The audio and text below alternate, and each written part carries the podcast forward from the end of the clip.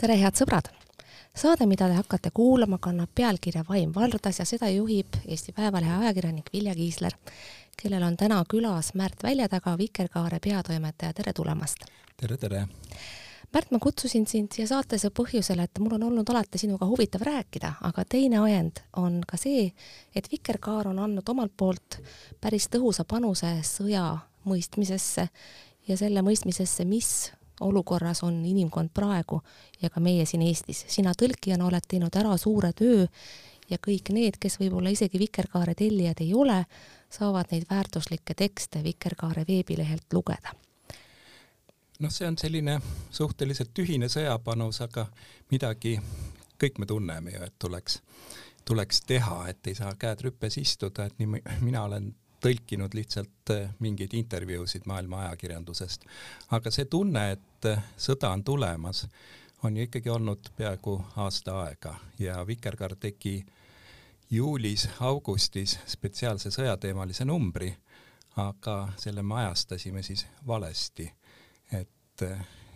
veel liiga, liiga vara ilmus see, et sõda läks lahti siis alles veebruaris. Kui sa lubad, ma alustan seda jutuajamist selliste eksistentsiaalsete küsimustega, mis on mind ennast pikka aega vaevanud. ja kui ma seda emotsioonidel või mitte emotsioonidel põhinevat, aga emotsioonidest ajendatud mõttekäiku püüan kuidagi lühidalt kokku võtta, siis kõlab see umbes nõnda, et see, mida näiteks sealsamas Butšas tegid ühed inimesed teistele, on midagi säärast mis sageli kuulub sõdade juurde ja igasugune muu vägivaldsus samamoodi. Kui nüüd on võimalik, et ühed inimesed midagi säärast teistele teevad, siis mida ma peaksin sellest järeldama iseenda kui inimese kohta, ehk siis seesama ebainimlikkuse ja inimlikkuse teema, kas ma peaksin järeldama, et ebainimlikkus kuulub inimlikkuse juurde ja kui ühed inimesed võivad teistele nii teha, mida ma pean siis järeldama enda kui inimese kohta? eks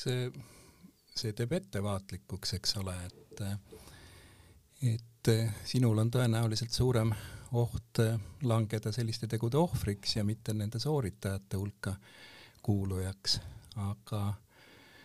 et see, et sõjas käituvad inimesed teistmoodi kui rahuajal, on ju nagu üldteada asi ja maailma ajalugu on ju seda kogu aeg näidanud. et siin Euroopas on pikka aega valitsenud rahu ja see kõik tundub jälle sellise üllatusena, aga, aga kindlasti mitte noh, kõikide jaoks, kellel on natukene pikem ajalooline teadvus, need,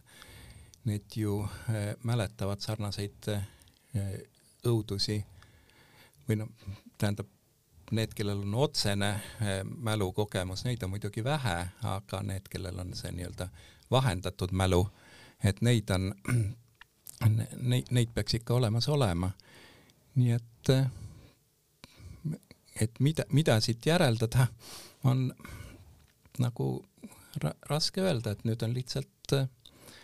ajalooratas niimoodi pöördunud, et et, et sellised teod on jälle võimalikuks osutunud? ma saan aru, et sellel küsimusel iseenesest ei saagi olla mingisugust väga konkreetset vastust, kuid äh, ma võib-olla selgitan veel korra, kuidas ma seda mõtlesin või, või millest on need mõttekäigud ajendatud. minu põlvkonnal on vedanud, ma ei, ma ei, ma ei ole ise oma sõda näinud ja ma tunnen seda ainult ilukirjanduslike teoste või siis dokumentaalfilmide kaudu ja kui sa lubad, ma toon ühe näite Murakami raamatust, ma isegi ei mäleta kahjuks, missugusest teosest see on pärit, kuna mul on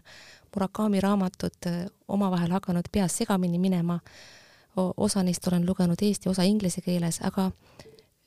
jutt on või see stseen on iseenesest säärane, et ühte tegelast sunnitakse pealt vaatama seda,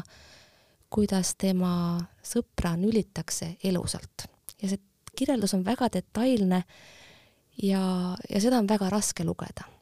ja see, et keda oli sunnitud pealt vaatama, ta kaotab enesest mingi säärase tüki, mida ei ole enam võimalik mitte kunagi tagasi saada. ja kogu tema edasine elu kulgeb soovis surra. ja teda hoiab elus ainult teadmine, et tal on üks kohustus, ta peab andma edasi ühe kirja või, või mälestuseseme, ma isegi ei mäleta, mis see on.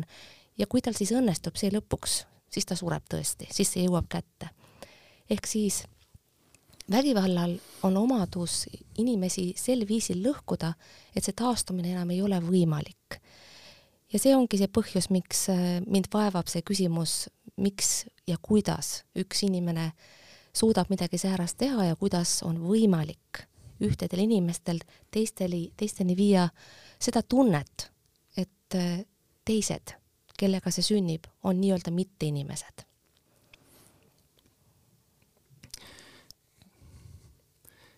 et äh, sellised äh, vägivalla ja kurjuse teemad, eks ole, süve, sisenevad meie ellu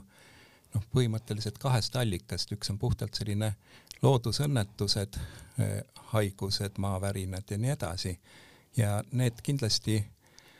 on nagu kergemini üleelatavad, sest seal ei ole seda teisel pool seda inimlikku täidesaatja momenti juures, mis lisab kurjusele nagu uue keeru peale, teised need palju raskemini välja kannatatavad õudused pärinevad siis inimese, inimeselt endalt ja, ja need eeldavad tõenäoliselt mingisugust sellist eh, pahupidist empaatiat, et seda on nagu eh, noh, moraalifilosoofid rääkinud, et üks, et inimesel on iseloomulik see tunda teise tundeid, aga see ei tarvitse tingimata eh, teda tingimata selliseks kaastundlikuks ja heasüdamlikuks teha, vaid see võib võtta ka sellise väärtunud pöörde, et, et tuntakse Eh, mõnu teise kannatustest. et eh, et ühesõnaga sellised eh, kurjuse probleemid, et need viivad meid väga sellistesse sügavatesse metafüüsilistesse vetesse, et, et me tavaliselt oleme nagu harjunud või loodame, et, et kurjus on midagi sellist noh, mida saab selgitada eh, puhtalt eh, looduslike põhjustega, mingisuguste eh, sotsiaalsete juurtega, aga siis on noh, ikka alati terve hulk olnud selliseid teoloogiliselt meelestatud mõtlejaid, kelle meelest on kurjus või kurat iseseisev jõud, kellel on noh, mingi ise, iseseisev tegevusprogramm. Aga kui noh, konkreetsemaks minna, et, et mida arvata nendest äh, venelaste õudustegudest Ukrainas, et siis noh, siingi on nagu kahesugust suhtumist olnud juba ammu enne sõdagi, et kas me peaksime Venemaad käsitlema nagu mingisugust äh, paratamatut loodusjõudu, noh selle, seda ilmestavad kõik igasugused karu ja, ja, ja hiiglase metafoorid, et tegemist ei ole päris inimliku ratsionaalse tegutsejaga, keda saab ümber veenda, vaid kelle noh, meil on teise inimesega eh, suhtlemisel alati nagu kaks strateegiat või kaks režiimi, üks on suhtuda temasse kui isikusse ja teine on temasse kui objekti, et seda teab nagu iga eh, iga hulluarst, psühhiaater ka, et, et mingisuguse piirini saab teist eh, ümber veenda, temaga kaasa mõtelda, tegeleda teraapiaga, aga siis mingil hetkel on palju Eh, palju kergem eh, ja, ja tõhusam eh, käsitleda teise tegusid noh, selliste mehaaniliste põhjuste mõttes, tähendab kirjutada talle tabletid välja või, või, või panna, panna hullusärk selga, et, et noh, need kaks varianti on ju nagu Vene poliitikasse suhtumisel ka domineerinud, et, et noh, soomlased eh, enne sõda eh, selgelt nagu mm, väljendasid oma, oma kõrgemat poliitilisel tasandil noh, sellist suhtumist, et eh, tegemist on paratamatusega, millega tuleb õppida koos elama. Ja ja see tundub nagu igati asjakohane seisukoht, et teine noh, kaugemal läänes oli nagu valitsev eh, pigem arusaamine, et, et tuleb, eh, tuleb argumenteerida, aru saada motiividest ja nii edasi, et noh, tegelikult nii nagu nii nagu äh, vaimuhaiguste puhul, et, et mõlemad need äh, režiimid on, on vajalikud, et, et proovida äh, aru saada vastasest kui isiksusest või isikust, kellel on mingisugused omad ratsionaalsed kavad, kavad ja plaanid ja, ja teine on siis vaadata, kuidas temaga võimalikult efektiivselt toime tulla see on iseenesest väga oluline ja täpne eristus, kuid äh, sind kuulates tekib mul tahtmine panna sind küsimuse ette, äh, mille üle ma äh, ei murra pead mitte ainult mina, vaid väga paljud teised ja murravad pead ka need konkreetsed autorid, keda sa oled siis Vikerkaares avaldamiseks eesti keeles tõlkinud, ehk siis kes konkreetselt peaks siis olema selle toimuva õudusest vastutav, kas see on Putini sõda, kas see on Vene riigi sõda või on see Vene rahvasõda. ma viitan siinkohal ju ka uuringutele, mille järgi seitsekümmend kuni isegi kaheksakümmend protsenti Vene elanikkonnast seda sõda toetab. ja siit tekib paratamatult küsimus, et kas peaks siis äh, kurjusele otsa vaadates kujutlema ainult Putini nägu või ikkagi tegema konkreetselt ja isiklikuks vastutavad ka need Vene sõdurid, kes sealsamas Butšas, Mariupolis ja teistes Ukraina linnades äh, saadavad korda kirjeldamatuid jõledusi no jõleduste kordasaatjad on loomulikult isiklikult vastutavad, aga, aga nende kättesaamine ja tribunali ette toomine, see on juba palju keerulisem asi, et, et noh, sellest võime ju unistada ja fantaseerida, aga aga see, et need eh, sõdurid kätte saadaks ja mingisuguse rahvusvahelise kohtu ette veetaks, eeldaks Venemaa täielikku lüüasaamist ja ja see noh, sellest me võime ju ka kõik unistada, aga ma ei tea, kui realistlik see on, aga nüüd see vastutuse küsimus, et et tõepoolest noh, Venemaa tundjad ikkagi rõhutavad, et et seal ajaloos on mingi teatav selline isevalitsuse autoritaarsuse poole kalduv muster. et, et isegi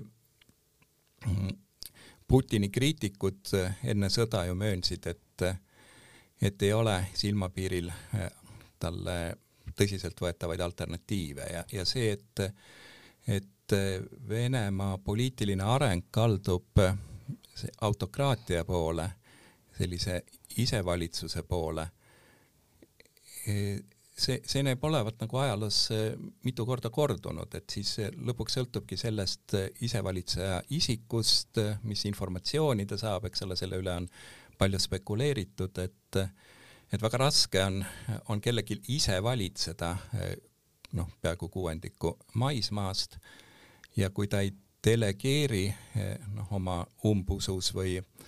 või kahtlustuses seda võimu, siis ta lõpuks jääbki oma mulli sisse nii et, et praeguse selle sõja vallapäästmises on muidugi eh, süüd Putinil, aga, või noh, tema on peasüüdlane,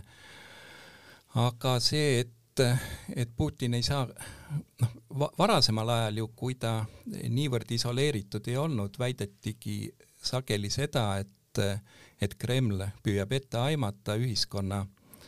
ühiskonnas toimuvaid suundumusi, Venemaa valitsemine on olnud alati ju väga eh, siin Putini ajal väga eh, küsitluste ja igasuguste uuringute keskne, et et see, kui Putini toetus seal langeb kuuekümne kuuelt protsendilt kuuekümne kahele näiteks, see on olnud Kremlile väga oluline, aga, aga viimasel ajal paistab, et see enam nii suurt rolli ei mänginud pärast seda mm, Krimmi tagasivõtmise äh, saadud populaarsuse tõusu. ja, ja, ja aga noh, et on väidetud seda, et, et, et Kreml püüab ära aimata, kuhu poole on Vene ühiskond eh, minemas ja siis eh, püüab jõuda sinna eh, ise kiiremini. aga siis tekib paratamatult jälle küsimus, mille üle ma arutlesin muide selles samas formaadis eelmises saates Armin Kõomäega, kelle kindel seisukoht oli, et seesama Vene inimene kes oma hääle on Putinile andnud ja kes võib-olla isegi ei ole andnud, aga on jätnud protesteerimata, oma meelsust väljendamata, on ikkagi teataval kindlal viisil selle eest vastutav, mis praegu toimub. missugune on sinu seisukoht? no mina ei usu sellisesse asja nagu kollektiivne vastutus üldse, et, et selline öö, süü öö, lepitus, andeks palumine, need on kõik sellised äh, kristlikud mõisted, mis eeldavad teispoolset elu ja, ja meil ei ole nagu mingisugust noh re, reaalset realistlikku võimalust mm, vene rahvalt seda mingit kahetsust või patukahetsust vä välja nõuda, sest ei ole ju nagu olemas selliseid legitiimseid esindajaid, kes selle, sellega saaksid esineda, et, et ikkagi tuleb vist leppida sellega, et, et vastutus ja süü on, on sellised individuaalsed asjad, neid ei saa kollektiivselt laiendada. Ja ja noh, lõppude lõpuks see on ju selge, et, et kogu äh, Vene idee, Vene maailma idee, Vene kultuur, et kõik selle maine on, on tohutult kahjustunud, et e, pärast seda sõda ja võib-olla noh, ma ei, ma ei ole kindel, kas pöördumatult kahjustanud, aga selle taastumine võtab, võtab väga kaua aega ja see puudutab tõenäoliselt ka kõik niisugusi noh, mulle nagu lähedasemaid valdkondi nagu filoloogia ja, ja, ja kirjanduse uurimine ja, ja nii edasi, et, et sea-, sealsed venelaste saavutused siiski noh, nende, nende, nende uurimine on osalt olnud sõltuvuses ka sellest mm, noh, Venemaa laiemast prestiižist ja see on nagu nüüd kadunud aga võib-olla ongi siis sobiv koht pöörata siit näiteks Tolstoi ja tema Sõja ja rahu juurde, mida sa tunned erakordselt hästi, oled see teemal pidanud ka loengukursusi. Ja ma pean tunnistama, et ma tunnen juba pikemat äh, aega tarvidust hakata uuesti Tolstoid lugema. Ja just nimelt Sõda ja rahu, ma ei ole selleni jõudnud. Umbes viimase aasta jooksul, kogu aeg tulevad peale mingisugused teised teosed, mida on tarvis kiiresti lugeda või siis üle lugeda. Aga juba selle Tolstoi teose pealkirjas on kätketud siis teatav selline antagonism või vastandus, mis võiks olla kõnekas ka praeguses kontekstis. kuivõrd sa näed, et äh, Tolstoi sellel konkreetsel teosel on midagi öelda just praegu? no midagi ju ikka, aga seal tuleb teha väga palju selliseid äh, arvestusi ja mööndusi, et esiteks äh, Tolstoi räägib tuhande kaheksasaja kaheteistkümnenda aasta Isamaa sõjast, mis oli venelaste poolelt eh, kaitsesõda, vähemalt need episoodid, mis on sellesse neljaköitelisse romaani sattunud, nii et, et kui seda paralleele otsida, siis pigem, eks ole, ukrainlaste võitlus, võitlus sissetungijate vastu on on eh, mõneti eh, eh, sarnane sellega, mida, kuidas venelased Napoleoni vastu seisid, aga aga noh, seal on selliseid üldisemaid mõtisklusi, sageli on need nagu keskkoolilapsed jätavad lugemisel vahele neljandas köites sellised suuremad arutlused ajaloo käigu, sõdade, üksikisiku rolli ja ja, ja, ja, ja üldse inimmõistuse abituse üle. Et, et selles ma nüüd ei oska ütelda, et kuidas need on nagu ülekantavad, et Tolstoi oli selles mõttes noh, tema kohta on öeldud, et ta oli umbes nagu mingi India budist, kellel oli inglise apteekri vaim, et, et ta oli hästi äh, hästi umbusklik, ülbe, nihilistlik, ei uskunud mingisuguseid äh, suuri teooriaid, ratsionaalseid seletusi, noh, ta naeruvääristab oma romaanis neid eh, lääne sõjanduseksperte, kellel oli alati iga asja jaoks mingi oma teooria välja käia ja, ja, ja, ja teisest küljest eh, ta tähtsustas seda konkreetset eh, kogemust, kuida-, milline tunne on seista lahinguväljal, et kuidas mingisugused jutud lahingu kulgemisest, need need, need kujunevad all, alles tagantjärele ja suurte võltsingute ja lihtsustuste tulemusel ja need osavõtjad sageli aitavad nendele endale kaasa, aga see konkreetne kogemus siin ja praegu, et see erineb tohutult sellest, mida propagandistid ja ja ajaloolased ja kõik noh, millistesse nendesse struktuuridesse püütakse see, see asetada. nii et noh, see on selline õppetund, mida võib-olla Ukraina sõjaga seoses saaks võtta mõnikümmend aastat hiljem, kui see kõik on läbi ja saab võrrelda erinevaid versioone, sest eks ole, praegu me tunneme ka sellist noh, lisaks kõigele muule abitusele seda eh, infokildude hulgas orienteerumise abitust, et, et seda, neid eh, uudiseid tuleb väga mitmesuguseid, küll, küll detailseid, küll üldistavalt, et kunagi Hegelil vist on aforism, et realistliku inimese või hommikulehe lugemine on realistliku inimese hommikupalve et, et see aitab tal siseneda sellesse maailma, kus ta elab ja siis seal otsuseid teha. et me tänapäeva äh, realistliku inimese, noh, see ei ole nagu palve, vaid pigem palvekee on see Twitteri feed'i scroll imine, et ja, ja, ja see ei piirdu ainult hommikuga, vaid seda tehakse päev läbi, äh, noh, umbes tõesti nagu sõrmitsedes palvekeed, kogu aeg uuendatakse, mis on, mis on uut tulnud, aga, aga vaevalt see nüüd aitab meid väga palju mingisuguseid, mingisuguseid otsuseid langetada, et see tekitab noh, sellist meeleolu kõikumist, et seal ju kogu aeg, kogu aeg varieeruvad nagu, nagu, nagu kaks sellist eh, emotsionaalset režiimi, et, et kõigepealt see et no, ukrainlastel läheb hästi, hurraa, ja venelastel halvasti, väga see tore. kuraasikas või bravuur, et, et iga, iga venelaste kaotuse üle, eks ole, mis meile äh, mingeid kuidagi hormoonide taset kindlasti reguleerib ja siis teisalt, eks ole, need kaadrid õudustest. just, ja, ja ääretu masendus yeah aga korraks veel pöörates tagasi Tolstoi juurde, kui sa lubad, selle teose pealkirjas on nimetatud kahte inimolemise seisundit põhimõtteliselt mis äh, märgivad kahte äärmust, aga kui ajalugu vaadata, me rääkisime sellest sinuga ka enne saadet, siis sa viitasid sellele, et põhimõtteliselt on tegemist kahe inimolemise seisundiga ja ajalugu ei tunne aegu, mil, mil sõdu poleks olnud. kas see teadmine aitab meil kuidagi paremini toime saada või aitab see üldse toimuva mõistmisele kaasa? või on see midagi säärast, millega, millega me peame leppima? Et, et nii on see alati olnud ja nii see ka alati jääb. noh, kui sa lubad jällegi võib-olla selline isiklik, isiklik emotsioon või mõttekäik siia juurde. kui minul sündisid lapsed, siis ma, ma olin väga rõõmus selle üle, et nad sünnivad vabasse riiki ja, ja nad ei pea kunagi enam mõtlema selle lootusetuse riigi peale, milles sündisin mina. ma eksisin väga rängasti lootusetus on maailmas jälle väga tugevasti olemas ja kõik need hirmud, mis võib-olla viimase kolmekümne aasta jooksul siin Eestis näiteks on ära unustatud, on jälle väga aktuaalsed. ehk siis jällegi Tolstoi juurde jõudes, kas, kas me peame leppima sellega, et sõda ja rahu on midagi säärast, mis jäävad alati vahelduma ja kuidas see meid aitab või ei aita? no sellega on väga raske leppida, et, et alatasa tuleb meelde see see on vist Reinhold Niiburilt pärit see meelerahupalve, mis,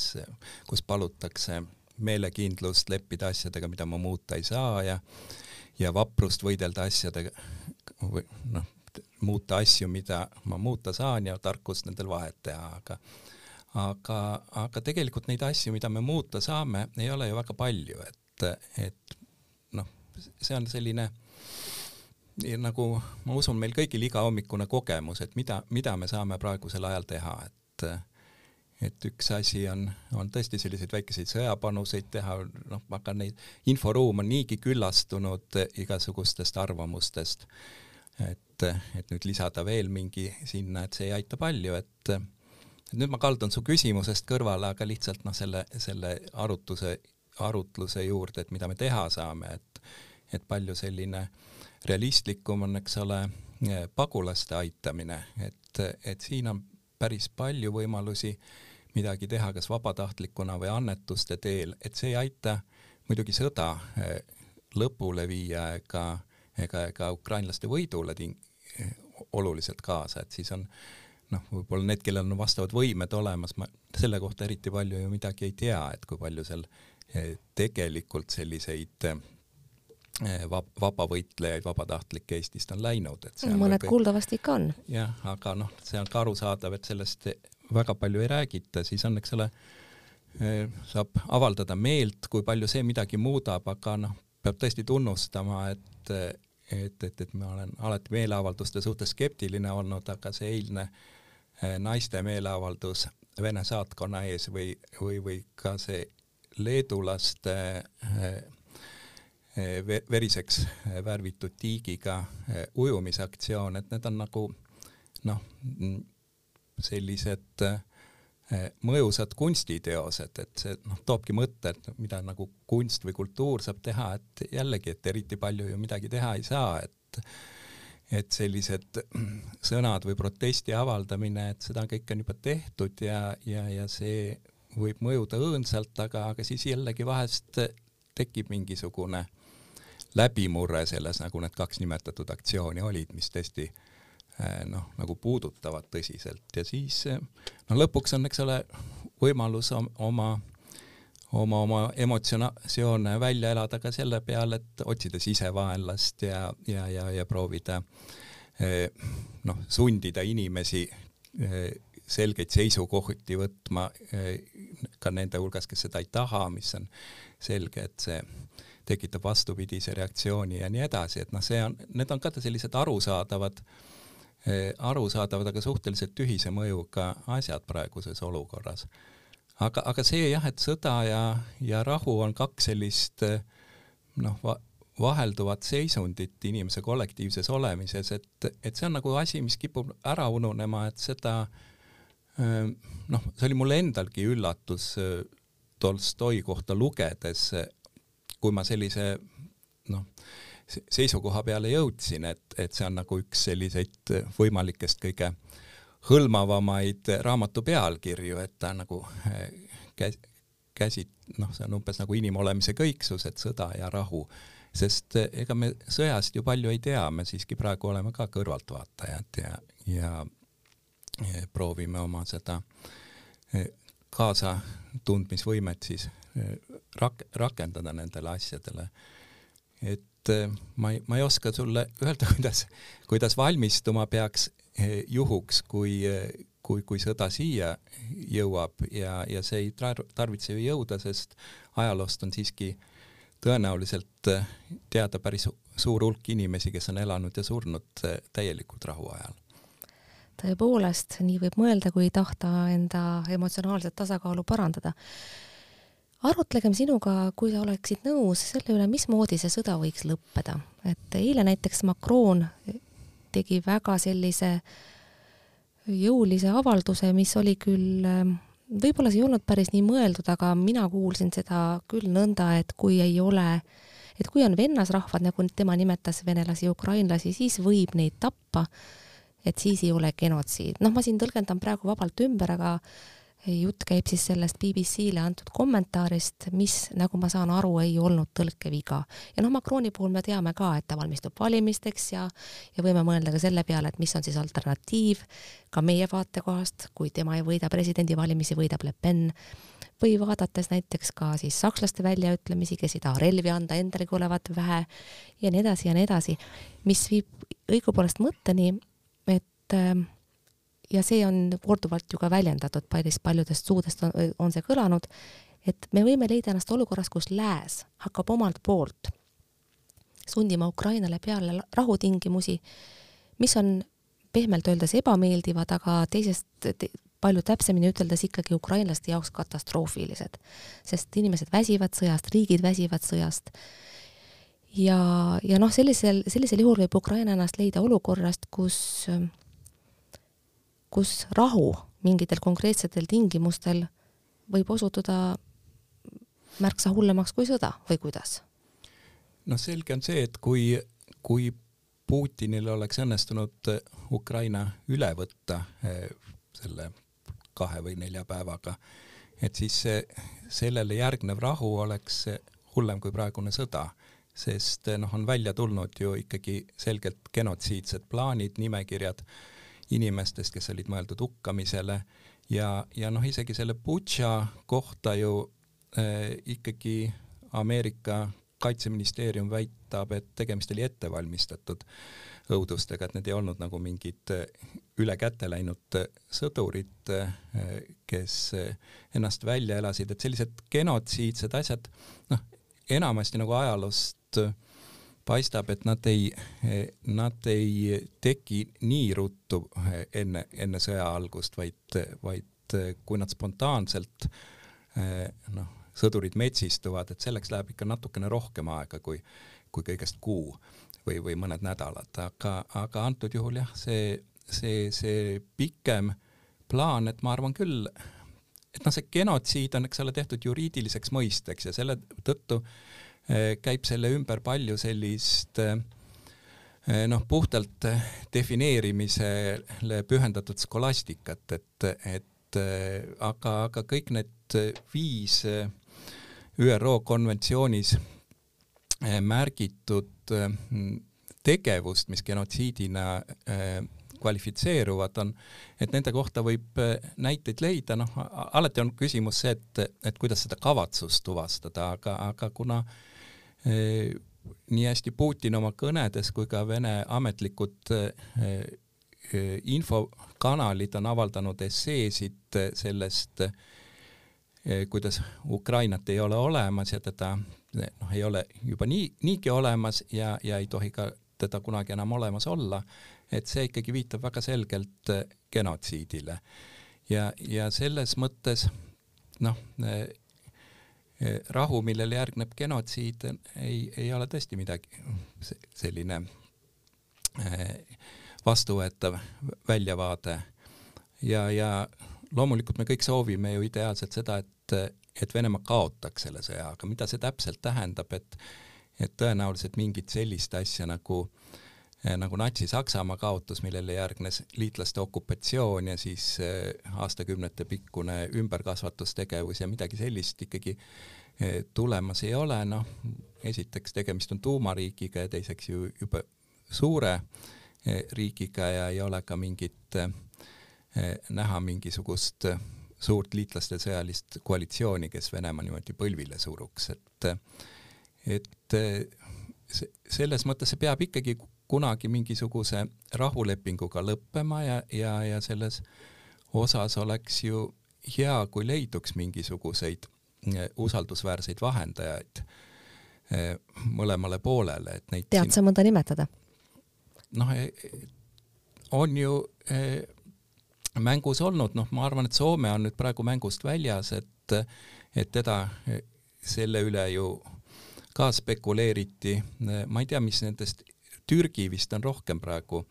tegev, Iisraeli rollist ei ole midagi kuulda olnud, aga, aga noh, see rahuläbirääkimised ei ole ju praegu nagu noh, need on sellised kompimised ja need ei ole eh, tõsiseltvõetavad selles mõttes, et, et Putin ei võta neid nagunii tõsiselt, et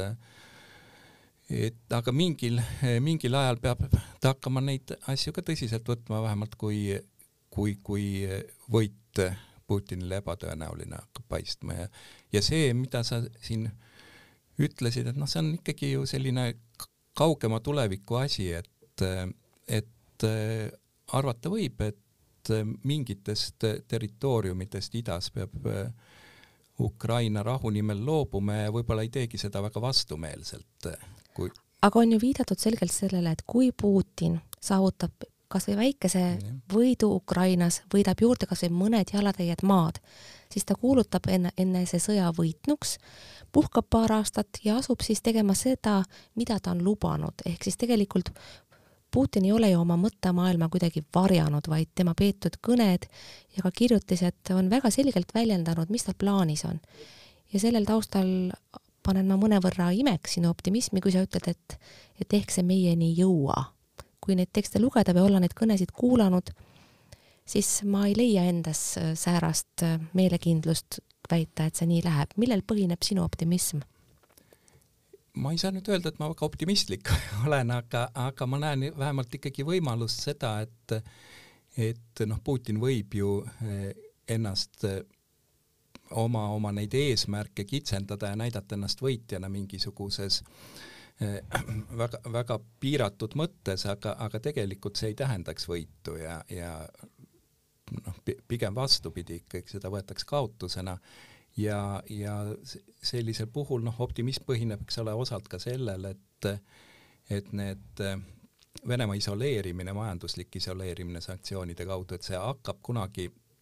eh, toimet avaldama, mitte siis selles mõttes, et ta viib Eh, rahva elatustaseme alla ja, ja tekitab seal mässumeeleolusid, see on suhteliselt lootusetu stsenaarium, aga lihtsalt see, et, et tehnoloogia impordile suudetakse ikka mingisugused piirangud panna. Ja teine küsimus on, eks ole, see, et et võib-olla eh, saab, saab Euroopa ka sellest eh, gaasikraanide otsast lahti ühendatud, et et noh, see, need on muidugi sellised kahe-kolme aasta pikkused asjad, aga, aga, aga oletan, et Putinil ei ole ka varem, ei oleks seda jõudu eh, NATO maid rünnata. lõpetuseks veel, eh, kui nüüd jälgida lääne reaktsioone, siis ma tõin siin juba ette Macroni ja viitasin sakslastele ja ega need ei ole olnud tegelikult esimesed ega ainsad korrad, kus ma olen Euroopa riikide liidrite väljaütlemisi kuulates katkunud juukseid, kuigi ma saan aru, miks see või teine midagi mingil põhjusel ütleb kuid arvestades seda, et lääneriikide juhid ja tegelikult ka elanikkond, kindlasti ka mina ja võib-olla isegi sina, noh, me oleme kõik vajutanud kinni väga mitu äratuskella. kõik see, kõik see, mis toimus Krimmis, eks ole, Donetsk, Luhansk, aga varem veel Gruusia. Ja neid äratuskelli on olnud ikka väga palju ja räägiti, sellisel puhul räägitakse alati punastest joontest, aga minu meelest ei, ei ole neid punaseid jooni olemas ja kui on võimalikuks saanud, et kõik äratuskellad vajutatakse kinni, kas me võime siis loota, et seekord nii ei lähe?